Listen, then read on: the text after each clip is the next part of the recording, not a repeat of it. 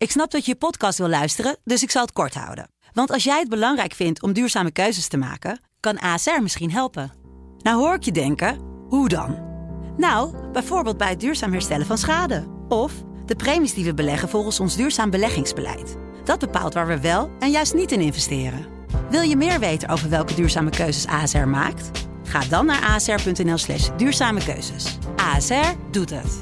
Zo, dan kan je nu lekker naar je podcast luisteren. Work. We give work. Flexible, part-time and full-time. We give work at the biggest brands. Get it now at youngcapital.nl. Young Capital. Work. Ja, jongens, welkom bij een nieuwe generatie T. Na het opstappen van Sigrid Kaag als minister van Buitenlandse Zaken werd er op social media behoorlijk wat geklaagd over seksisme. Zit hier een kern van waarheid in en draait het tegenwoordig niet te veel om imago in de politiek? We bespreken het met. Ik ben Kitty Herwijer, ik ben 31 en ik werk op de social media redactie en als columnist. Ik ben Koen Nederhoff, ik ben 33 jaar en ik eh, schrijf namelijk over uh, reis en toerisme. Ik ben Lindsay Groot, 30 jaar. Ik werk als nieuwschef en samen met mijn collega's bedenk ik wat wij als Telegraaf vandaag gaan maken. En mijn naam is eh, Jeroen Holtrop, 30 jaar en ik ben verslaggever voor het YouTube-kanaal. En daarvoor uh, ja, rijk een beetje het hele land door. Ja, jongens. Gelijk je eerste stukje seksisme heb je al te pakken, vriend. Dat, uh... God, daar heb je gelijk. Ja, dat klopt, Koen. Nee, excuus daarvoor, jongens. Um, wanneer uh, is er sprake van seksisme, Lindsay? Ik denk dat er sprake is van seksisme op het moment dat er wordt gediscrimineerd op basis van seksen. Maar ook ja. op uh, wanneer er uh, vooroordelen zijn of stereotype denkbeelden op basis van iemands seksen. Maar wat ik misschien zelf nog wel het meest typische vorm van seksisme vind, is onderschatting op basis van je seksen. Juist. Maar het kan natuurlijk ook positief. Het kan ook positief uitwerken. Ja, dat dat je juist voordeel geniet, omdat je in mijn geval vrouw bent. Juist, juist. Nou wordt er van Kaag vaak gezegd dat zij seksistisch wordt benaderd. Hè? Uh, wat vinden wij hiervan? Ja, het is wel merkbaar dat het gebeurt. Ja. Um, om, om maar, Heb je daar voorbeelden van? Nou, Kaag heel simpel. Hè? Ik bedoel, uh, Wilders twitterde uh, hexit toen Kaag was opgestapt. Ik denk dat je als een, een, een andere staatssecretaris of minister was opgestapt, maar dat was een man, dan had je nooit tovenaar seksist gehad. Ik bedoel, het is heel duidelijk gericht van, hè, oh, er is een vrouw opgestapt. Fijn. Maar heeft dat dan echt met haar vrouw zijn te maken? Nou ja, dat, dat, gevoel heb ik wel een beetje. Ik bedoel, ken jij mannelijke heksen? Het is een typisch vrouwenscheldwoord, lijkt mij. Ja, ja, dat is ook een vrouwenscheldwoord. Maar omdat je zegt um, dat ze blij zijn dat een vrouw is opgestapt. Maar ze zijn gewoon blij dat Kaag is opgestapt. Zeker, maar het vertaalt zich gelijk in een. Kijk, hè, intrinsiek inderdaad gaat het om, om Kaag, maar het is gelijk ook eventjes een steek. Zo, dat Haar seksen wordt weer dat aangehaald. kutwijf is weg. Ik proef ja. bij jou, Kitty, een beetje dat je denkt van valt wel mee allemaal en ze wordt uh, helemaal niet zo seksistisch. Nou, nee, ik, uh, uh, je hebt, er is een tijd geleden is er zo'n onderzoek geweest eh, van de Groenen. Die hebben ja. gekeken naar dus eh, seksisme online. En dan was Kaag stond bovenaan. Qua, ik geloof elk kwartier wordt er een soort scheld of halve dreigtweet aan haar gericht. Ja, ja hier even hè, wat cijfertjes. Dat, dat 10% van de vrouwelijke politici, daar zit nou ja, haat in de, in de tweets die daarover geplaatst wordt. En bij Kaag 22%. Dat is ja. al een stuk meer. Ja, dat ging dus eigenlijk van links tot rechts. Dus iemand als Annabel ja. Nanninga, die, die uh, stond volgens mij ook redelijk hoog in dat lijstje. Uh, dus er wordt vaak inderdaad alleen maar gedacht van, oh ja, linkse vrouwen hebben hier last van. Maar het is eigenlijk van links tot rechts. Maar goed, wat um, ik opvallend vond in uh, wat er gebeurde vorige week, is dat daar eigenlijk snel of snel dat wordt benoemd. Of het seksisme wordt benoemd. Maar er wordt eigenlijk niet gekeken wat er dan want bijvoorbeeld iemand als Beideveld, die stapt ook op. En dat is dan wel terecht. En bij Kaag is het toch weer, komt toch weer telkens die discussie op gang over seksisme. En ja, het kan ook een beetje, een, we zeggen altijd over Rutte met die teflonlaag. Maar dan denk ik, ja, dat, dat seksisme is ook een soort teflonlaag, waardoor alle goede kritiek ook van je afglijdt. Want er zijn altijd wel weer mensen die dus... Als Alle hij, terechte kritiek. Als, je, als, als je terechte kritiek hebt, uh, bijvoorbeeld op hoe dat is gegaan in Afghanistan. Nou, dat hadden wij al heel lang in de krant. En dan is het toch wel weer de kritiek op social media van... Oh ja, weer uitgebreid wordt Sigrid Kaag afgefikt. En bij iemand anders zou dat nooit zo gebeuren. Terwijl het gewoon hele goede kritiek op haar beleid is. Um, en dan kan dat heel makkelijk weggewimpeld worden van oh, maar dat is seksistisch of zo. En dat, dat, ja, dat, dat is de uh, andere kant, denk ik. Ja, en Ja. dan bedoel je vooral dat door haar achterban en partijgenoten wordt gedaan van nou ja, het is, het is vooral een aanval op haar vrouw zijn en niet zozeer op haar beleid. Nee, Dat maar terwijl bijvoorbeeld zoiets als eh, in Afghanistan, wat er daar gebeurt. ehm, en dan is het juist de faal van Kaag is des te harder daar. Omdat haar hele campagne gebaseerd is geweest op een soort internationaal imago en haar vrouwenhart. En dan faal je gewoon zo hard in Afghanistan. Dus dan is het ook wel logisch dat mensen daar eh, extra boos over zijn, denk Ja. ik. Maar tegelijkertijd is het denk ik ook zo, en om het een beetje te nuanceren, eh, hè, het stapelt heel erg op. Het is het, het zoveelste, Kaag heeft het daar echt niet goed gedaan met haar ministerie. Mhm. Maar er zijn denk ik ook best wel veel verhalen en kritiekpunten geweest op haar. Die helemaal niet zoveel hout sneden. Maar die echt wel gericht waren op haar als of persoon. Of als haar als maar, vrouw zijn. Ja, dan is het misschien niet zo heel gek dat de achterban gelijk grijpt. Nou, van nou, dan pleuren we dit ook op die hoop. Dan kunnen we het een beetje soort van verdedigen. Ja, maar het is wel, het blijft heel lastig. Kijk, eh, seksisme, zij hebben eh, wel gewoon een analyse daarover gedaan, maar seksisme blijft altijd lastig om echt to pinpoint wat dat dan precies is. Want wat er bijvoorbeeld wordt gezegd is, dus het is vaak uiterlijk en bij vrouwen gaat het vaak over uiterlijk en dan is er kritiek op haar jurk of er is kritiek op dat, maar er is ook kritiek op de schoenen van Hugo de Jonge. En dat wil niet zeggen dat er geen seksisme in kan zitten in die kritiek naar vrouwen toe, maar je merkt toch dat het uiteindelijk best lastig is om dan echt te zeggen van, oh ja, wat, is, wat maakt dit nou expliciet seksistisch? Ik denk dat dat heel vaak ook iets is van, hè, eh, dat, dat merk je ook bij andere vormen van discriminatie. Wat in feite is, seksisme is een vorm van discriminatie. Het is, het is vaak heel lastig om te zeggen van nou, dit is het wel, dit is het niet. Maar Ehm, merken jullie niet ook gewoon heel erg op het moment dat een, eh, een politicus faalt of een minister faalt, zoals bij, bij Kaag in Afghanistan gebeurde, dan worden op dat moment heel snel eh, uiterlijkheden of haar, haar, haar zwakke punten als persoon erbij gehaald. Heb je niet het gevoel dat dat bij vrouwen meer is dan bij mannen? Ik denk gewoon dat er veel meer bijvoorbeeld eh, scheldwoorden ook zijn voor vrouwen. Ja. Dus als je bijvoorbeeld denkt dingen als die het vaakst eh, voorbij ziet komen als vrouwen worden uitgescholden. Ehm, gewoon een hoer en slet en zo. Ja, ik weet niet, er zijn eigenlijk gewoon geen equivalenten voor. Ook, eh, ja, mensen die kwaad willen doen, die pakken je altijd eigenlijk op, op je zwaktes. En dan je vrouw zijn wordt Ja. dan een zwaktes. Net zoals dat ik antisemitische opmerkingen krijg op het moment dat mensen het niet eens zijn met iets of zo. Of eh, nee, niet dat dat heel vaak gebeurt, maar dat zie je wel. En als ik niet Joods zou zijn, zou dat niet zo zijn. Dus als ik geen vrouw zou zijn, dan zou ik nooit hoer online worden genoemd. Dus Nee. Wie heeft hier eh, zelf wel eens last gehad van, van seksisme? Positief, negatief, kan allemaal. Ja, eh, nou ja, ik denk eerst even het, het negatieve. Ik Ja. heb eh, op verschillende manieren wel eh, ervaring met seksisme. Eh, Ja. Bij de nieuwsdienst neem ik natuurlijk eh, vaak de telefoon op. En eh, Ja. eigenlijk de laatste paar jaar hebben we, hebben we wat minder telefoontjes van, eh, van buitenaf. Maar voorheen kregen we echt heel veel telefoontjes van mensen die een verhaalidee hadden. Maar ook mensen die echt, echt van alles en nog wat. En ik heb wel meerdere malen gehad dat een, een man aan de telefoon vroeg of hij iemand van de nieuwsdienst kon spreken. Nou, daar Oh ja. sprak hij op dat moment mee. En ik zei, vertel, wat is het, wat is het probleem? Nee, ik wil graag iemand spreken die over de krant gaat. Maar ik hou me ook bezig met de krant.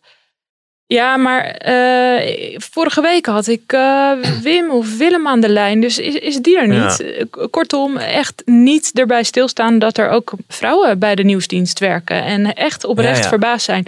Dat is één. ehm, maar ook, En hoe voelt dat dan? Hoor ik even te vragen. nou, ehm, je zou, ja, ik vond het vooral gênant voor hem eigenlijk. Eh, ik denk, Oké. Wow, hoe is jouw wereldbeeld op dit moment? Zeg maar, dat je denkt dat er alleen nog maar mannen van middelbare leeftijd bij, eh, Ja. bij een nieuwsorganisatie eh, Ja, werken. Dat vond ik vooral heel erg eh, eh, typisch. Maar ook bijvoorbeeld in de. Ik vind klussen heel leuk. En als ik dan in, eh, in de praxis eh, een ventilatierooster kom halen. of wat dan ook. En, eh, en de verkoper zegt mij. Nou, dat moet, ik, dat moet je even met je loodgieter overleggen. hoe je dat precies wil gaan. Dan denk ik, hè? Ja. Ik bedoel, eh, waarom ga je ervan uit dat ik hulp nodig heb hierbij? Ehm, maar Maar ook- zouden ze dat dan ook niet tegen mij zeggen bijvoorbeeld? Ik zie er ook niet, ja, ik ben vrij klein, ik zie er niet heel handig uit. Dus ook, ik kom er heel onhandig over. Misschien zeggen ze dat ook wel tegen mij. Dat, dat weet je niet. Nou, het leuke van deze situatie was dat hij, dat hij het merkte. Hij, hij schrok van zijn eigen opmerking. Oké, en hij dan- zei dan daarna van... eh, ik bedoel natuurlijk helemaal... Ja, misschien kan je het ook helemaal zelf. Je ziet eruit alsof je het echt prima zelf kan. Kortom, shit. Eh, dit had ik niet eh Je moeten ziet zeggen. eruit alsof je prima zelf kan.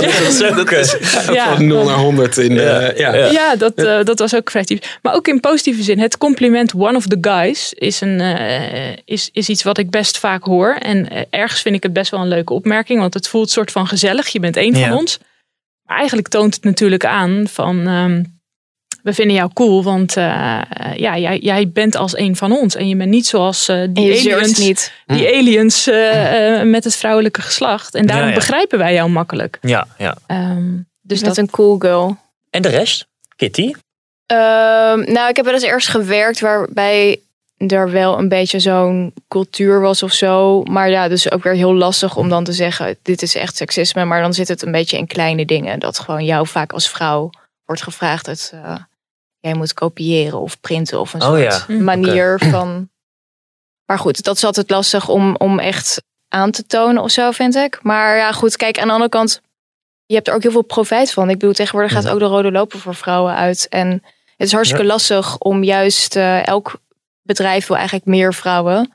En ik denk ook wel dat het gewoon in mijn voordeel heeft gewerkt. Ik bedoel, ja, ik heb ook gewoon een column gekregen bij Telegraaf. Nou, het is niet omdat ik vrouw ben, maar dat helpt zeker wel mee, denk ik. Want het is super lastig om uh, goede jonge vrouwelijke columnisten te vinden. Je kan vrij snel carrière maken in die zin. Hè? Je komt er vrij snel.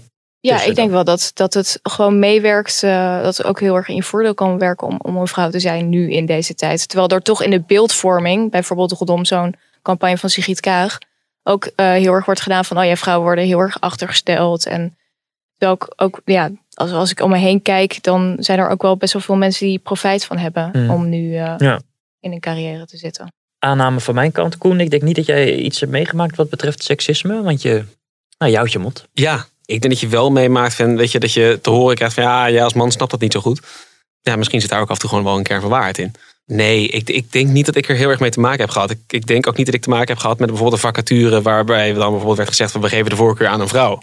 Hè? Uh, ik bedoel, ik, ik, ben blank, ik ben hetero, ik ben man. Nou, dan zit je op zich niet in het. Nee. Je, ja, dat, dat, ja, ja. dat, um, dat heb ik niet persoonlijk ondervonden. Dus ik, ik denk ook dat dat, dat, dat hele dat zou je wel eens mee kunnen gaan maken de komende Ja, je ziet het echt heel veel bij je. Ja, wie weet. Wie weet kan je dat meemaken. En, en dat, dat zou best wel vervelend zijn. Tegelijkertijd er wordt daar een enorm punt van gemaakt in bepaalde hoeken. Van oeh, dat, dat, uh, dat, dat is allemaal heel erg pijnlijk. En uh, uh, er is, een, is nu een soort discriminatie tegen blanke heteroseksuele mannen aan de gang.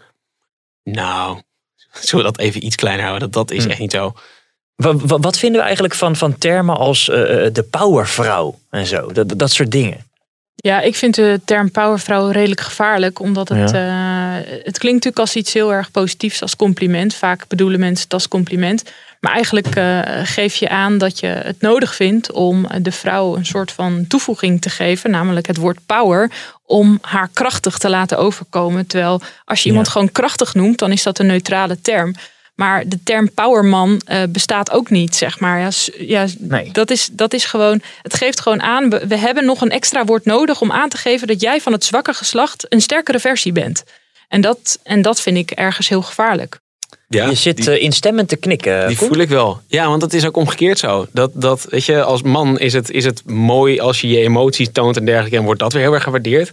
Dat is precies hetzelfde inderdaad, wat, wat jij aangeeft. Weet je, dat, dat, ook het, het hele idee van oeh Hoekstra die, die uh, telkens met, met Lieselot overlegt. Oh, een mooie familieman, weet je wel. En nou ja, kan je je voorstellen dat, dat Liliana Ploemen telkens aankomt en zegt van... oh, dat ga ik even met mijn man overleggen. Ja, weet je, dan krijgen ze, wordt gelijk gezegd door secretaresse Ploemen.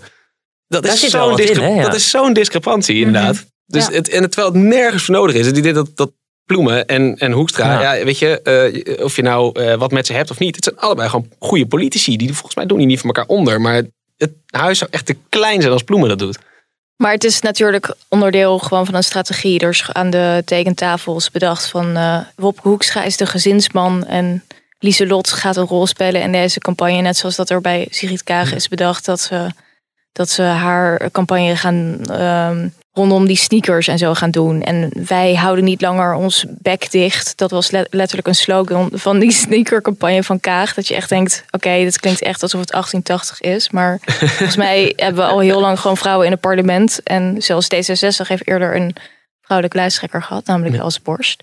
Ik weet niet, misschien herken jij dat ook wel. Uh, want ik, ik heb in onze jeugd, wij zijn allebei millennials, mm. volgens mij even oud ook ja, op, op mijn basisschool speelde dit helemaal niet. Ik heb dat helemaal niet op zo'n manier meegekregen dat het moeilijker is als vrouw. Of nu, nu heb je veel meer van die feministische kinderboeken en zo. En um, Ja, misschien juist eerder in, in, in positieve zin. In die zin. Maar het, ehm, ja, ik was vroeger, ik was als kind een, eh, een meisje wat van voetballen hield en, en dat soort zaken. En dan was het, en dan was het volgens de mannen, was het best tof dat ik kon voetballen van al die vrouwen, weet je wel. Dus het was, maar dat is ook ergens een vorm van seksisme. Want hoezo, het is heel opvallend dat jij voetbalt, want je bent vrouw en dat hoort eigenlijk niet of zo. Nee, maar de meeste vrouwen vinden voetbal niet leuk.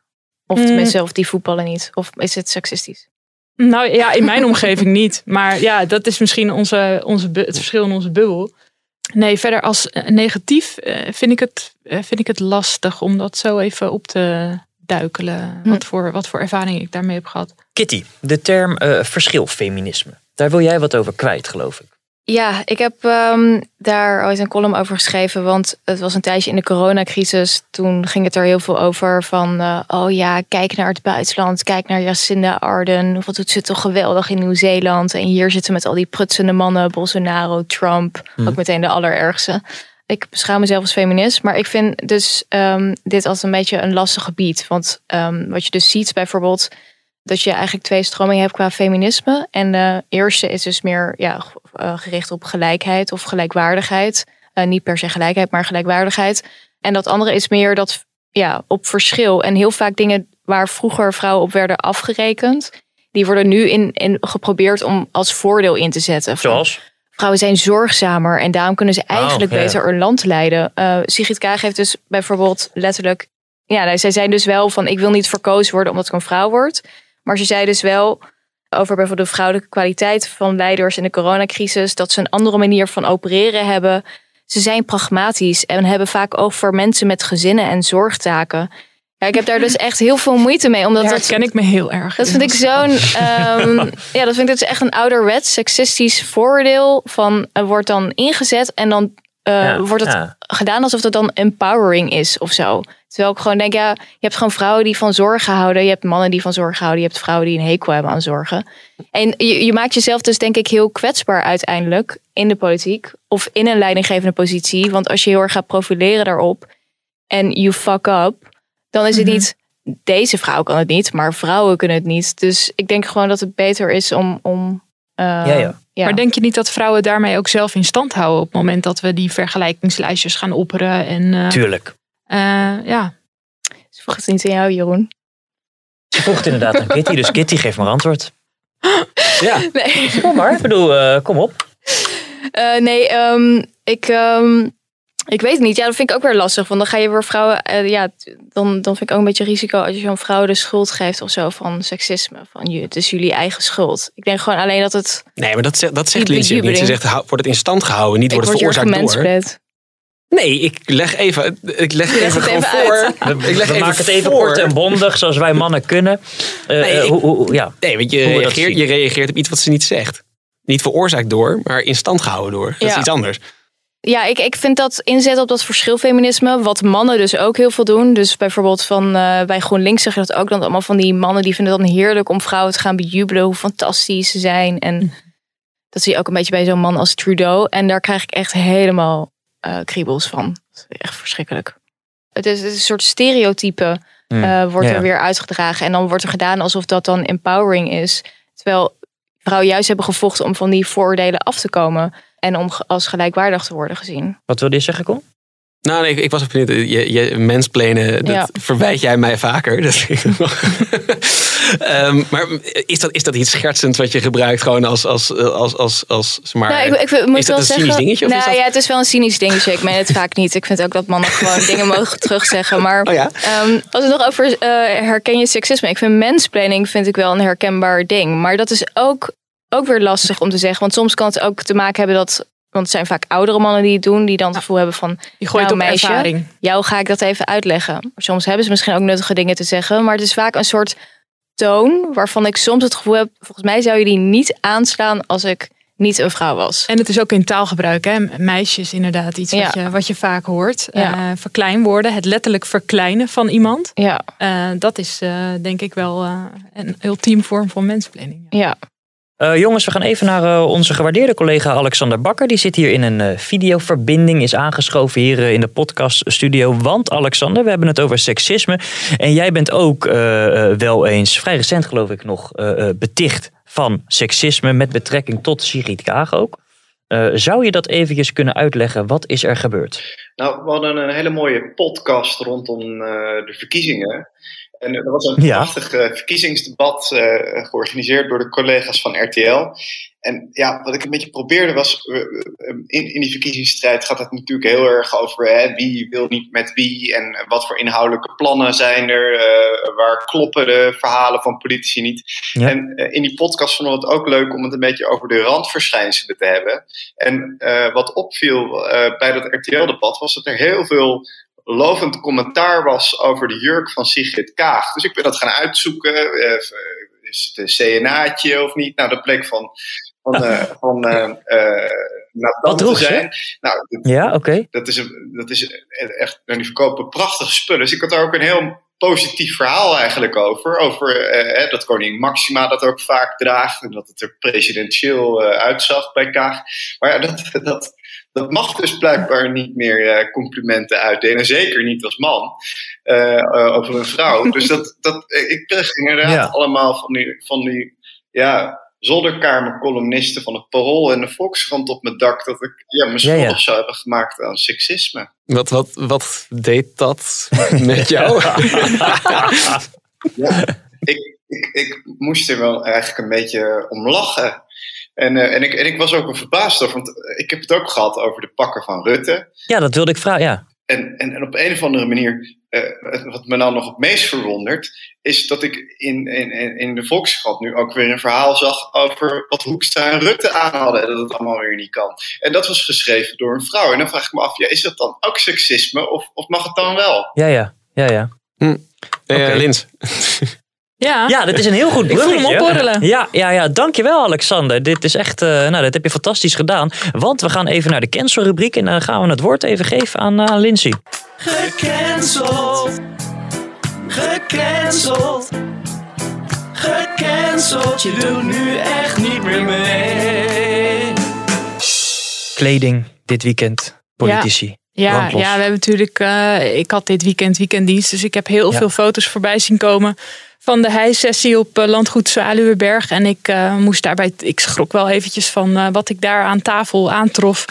Hoekstra in zijn superdry shirtje en, en, en Kaag met haar, haar bodywarmer. En Rutte met gigantische Ralph Lauren polo.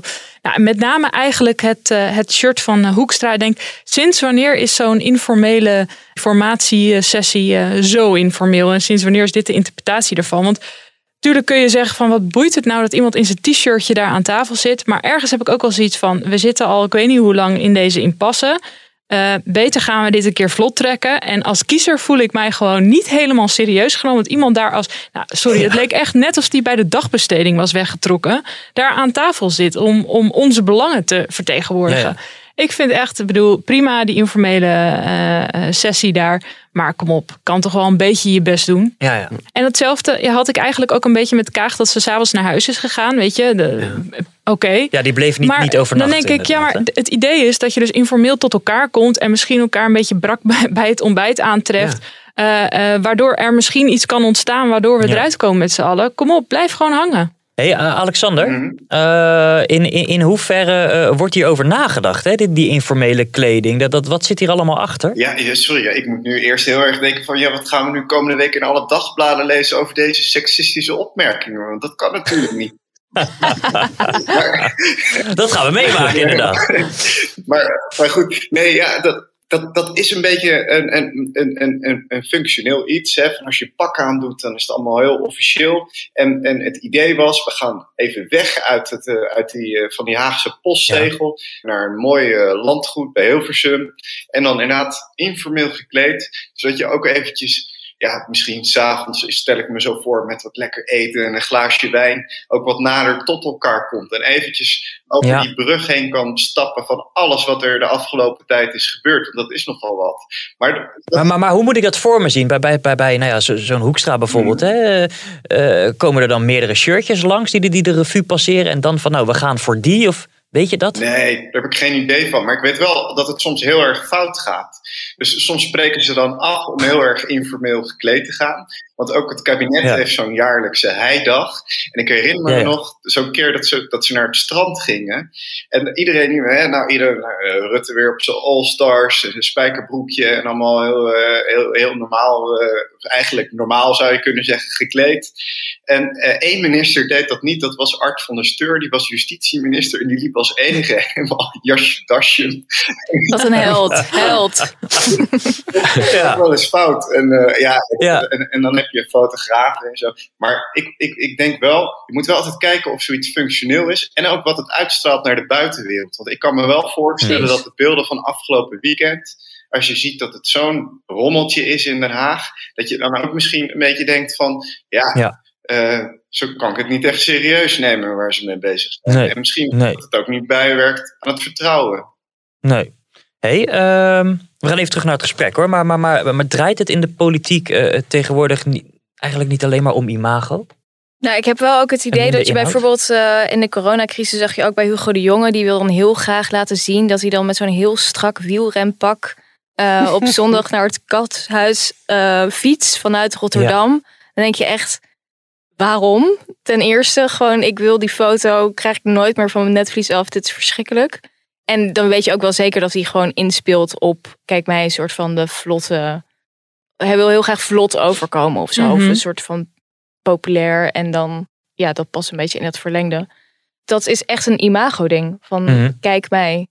Ja. ja. Hoe kijken jullie hier tegenaan? Uh, Koen, draait het te film imago? Of, uh? Ja, ik word er helemaal gek van. Okay. ik vond het heel grappig dat Alexander, dat je net zei van inderdaad, in die debatten uh, op tv bij de verkiezingen draait het om, om hè, wat voor inhoudelijke plannen heb je met het land. Ja, ik heb juist het gevoel dat het daar alleen maar draait op, op uh, korte klappen, one-liners, zorgen dat je er goed bij staat en vooral dat je niet in, in de valkuilen van anderen trapt. Kaag haalde in, de, in die HJ-schoollezing aan dat ze een ambtenaar had gesproken die zei van ja, volgens mij heeft de politiek de afgelopen 15 jaar niks echt substantieels bereikt.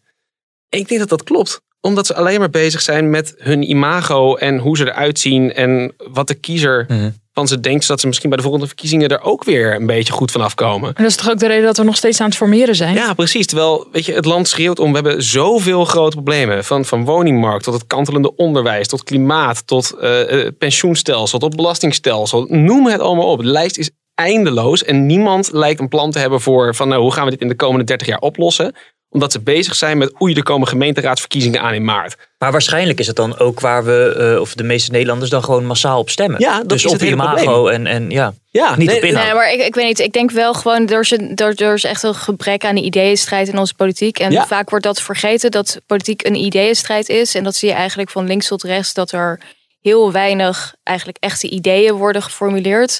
Uh, en dan krijg je dus van die campagnes, uh, zoals inderdaad van D66, die vrij leeg zijn, die reclameslogans zijn, nieuw leiderschap. Wordt niet gezegd wat dat dan is. Ik bedoel, iemand als Wop Hoekstra wordt opgetuigd als gezinsman die lekker aan het schaatsen is. Je vraagt je af waarom? Gewoon waarom? We hebben zoveel serieuze problemen nu. Wooncrisis, uh, toeslagenaffaire. Ja, kom met iets serieus. en volgens mij zie je dan ook inderdaad dat ehm, ja, dat er gewoon er best wel gewoon hunkering is bij heel veel mensen om die ideeënstrijd weer maar het gekke daaraan is dat je ziet dat politieke partijen die hier gigantisch munt uit kunnen slaan, met name links zou ik zeggen, dus GroenLinks en de PvdA, die krijgen het niet voor elkaar om dat te signaleren. Dus die krijgen niet voor elkaar. Nee, want die gaan ook gewoon uh, reclamefilmpjes maken van mijn vader was melkboer. Dat, ja, die gaan, die gaan weet je, bedoel, in feite, als je kijkt naar zeg maar, wat hun stemmerspotentieel zou kunnen zijn, die krijgen het dus niet voor elkaar om de stap te maken met, oh, we gaan gewoon komen met een plan voor, weet je, wat, wat economisch hout snijdt. Hm. It's the economy, stupid. De meeste mensen willen niet, weet je, die gaan niet stemmen op per se een woke dingetje wat je roept tijdens de verkiezingen. Die willen gewoon horen van, dit gaan we doen met het land.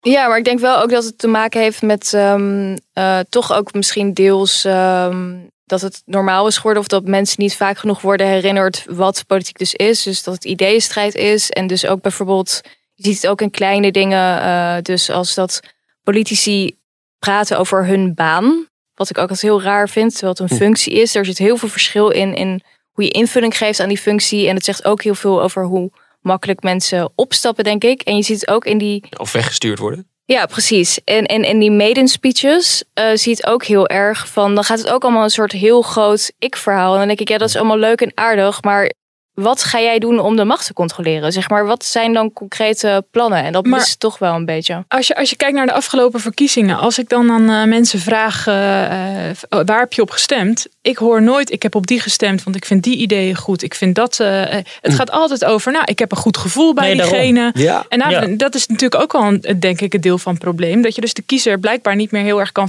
verleiden met hele goede plannen. Nee, het moet een soort van uh, nee, maar dat is ook, zijn. Maar, maar het is ook wel gebrek. Dat komt ook door een gebrek aan ideeën. Dat, dat dit, dit is wat het is. Dus daar, daar dealen mensen dan maar mee. Of dan denken ze, oké, nou ja, prima, dan maar Rutte. Of, uh, maar ja, goed, als je nooit, als je nooit überhaupt ideeën aangereikt krijgt, dan nou, het is heb je ook niet zo versterkend effect. Ik denk inderdaad dat de, de, de, verkiezingsdebatten, de formatten die we krijgen voorgeschoten, lenen zich totaal niet voor het een keertje goed vertellen van wat zijn nou eigenlijk je ideeën voor dit land.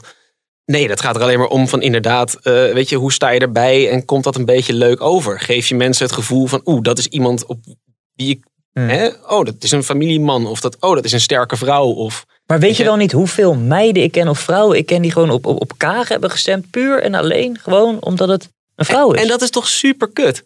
Ja, nee, tuurlijk. Voor hetzelfde geld gaat hij beleid uitvoeren die helemaal niet, dat helemaal niet geschikt is voor die mensen. Ja. Weet je, het hele idee ook dat, dat er heel veel partijen zijn die een vrouw op de tweede plek op de lijst zetten. Want oh, dat hebben we nodig, want dan trekken we extra stemmen. Damn, weet je. Het, mm. Ja, dat, daar word je wel echt een beetje kriegel van. Alexander, mm. Het, draait het te veel om, om, om beeldvorming en gewoon een beetje wel, ja, wat krachttermen eigenlijk uh, tegenwoordig in de politiek. Hoe kijk je daar tegenaan? Ah, het is er wel steeds meer om gaan draaien. En de politieke partijen versterken dat zelf ook. Ze hebben allemaal van die social media teams. Die uh, net eventjes de gunstige uh, beelden uit een debat halen. En dat verspreiden op Instagram, Twitter en op allerlei andere kanalen. Dus dat, dat is echt wel een, een, een trend die gaande is. Maar tegelijkertijd en dat geldt voor bijna alle partijen, worden er ook enorme rapporten opgeleverd met allerlei visies over het klimaat en landbouw of waar het heen moet met de economie. Dus die, uh, um, dat werk wordt nog wel geleverd, maar krijgt misschien niet uh, de proportionele aandacht. En, en, daar werken ze dus zelf aan mee door specifiek andere dingen te laten zien. Wat ik wel interessant vind over die debatten waar jullie het al over hadden, dan is het echt leuk om eventjes naar de Duitse verkiezingen te kijken.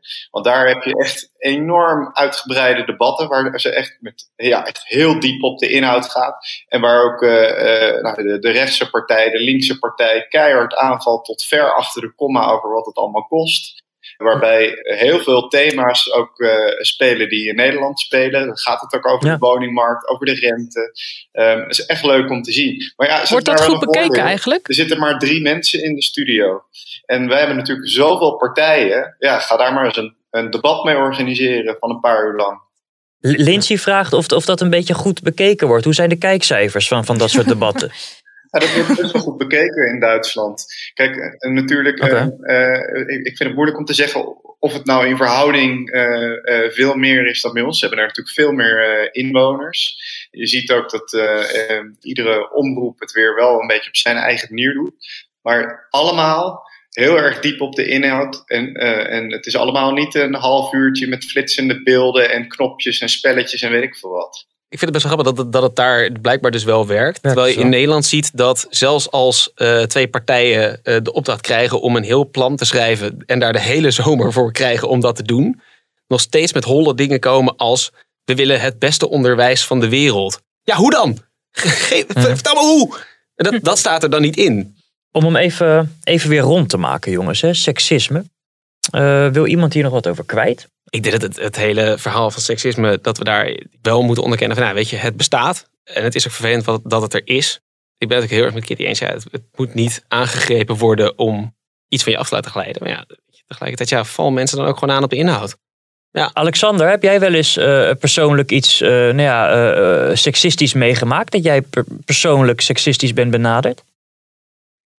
Nee, maar je merkt wel dat er soms discussies worden platgeslagen van, oh, dat is een uh, witte man, uh, dus uh, daar, daar, hoeven we niet meer naar mee in discussie te gaan of niet te luisteren. Dat zag ik dit ja, ja. weekend nog gebeuren hier in, in België met Gert Verhulst. Die kennen jullie denk ik wel, de, de Studio 100 miljardair, maar ja. ook ja, vooral Nederland natuurlijk bekend van Samson en Gert. Die had iets gezegd over de, de minister van een partij die een beetje lijkt op GroenLinks, over haar energiebeleid. Dat ligt heel erg onder vuur. En nou, daar had hij inhoudelijk kritiek op. En het enige wat die, die, minister deed, die sloeg het plat van, oh, daar heb je weer een, een uh, man van middelbare leeftijd. Ah, die ging niet in op de inhoudelijke argumenten ja, daar, daar word ik wel een beetje moe van. Tegelijkertijd dat er nu nog seksisme is en, en dat er vrouwen uh, soms in een, uh, in een slechtere positie zitten dan mannen, terwijl ze misschien inhoudelijk veel beter presteren. Ja, dat is toch triest dat we het daar nog over hebben in 2021. Ja. Thanks voor je, voor je tijd, uh, Alexander. de rest ook bedankt voor de komst. Jullie bedankt voor het luisteren. Dit was het eind van de podcast, denk ik zo. Tot volgende week. Laat even een review achter in allerlei ja, podcast-apps. Vinden we heel leuk. En tot volgende week.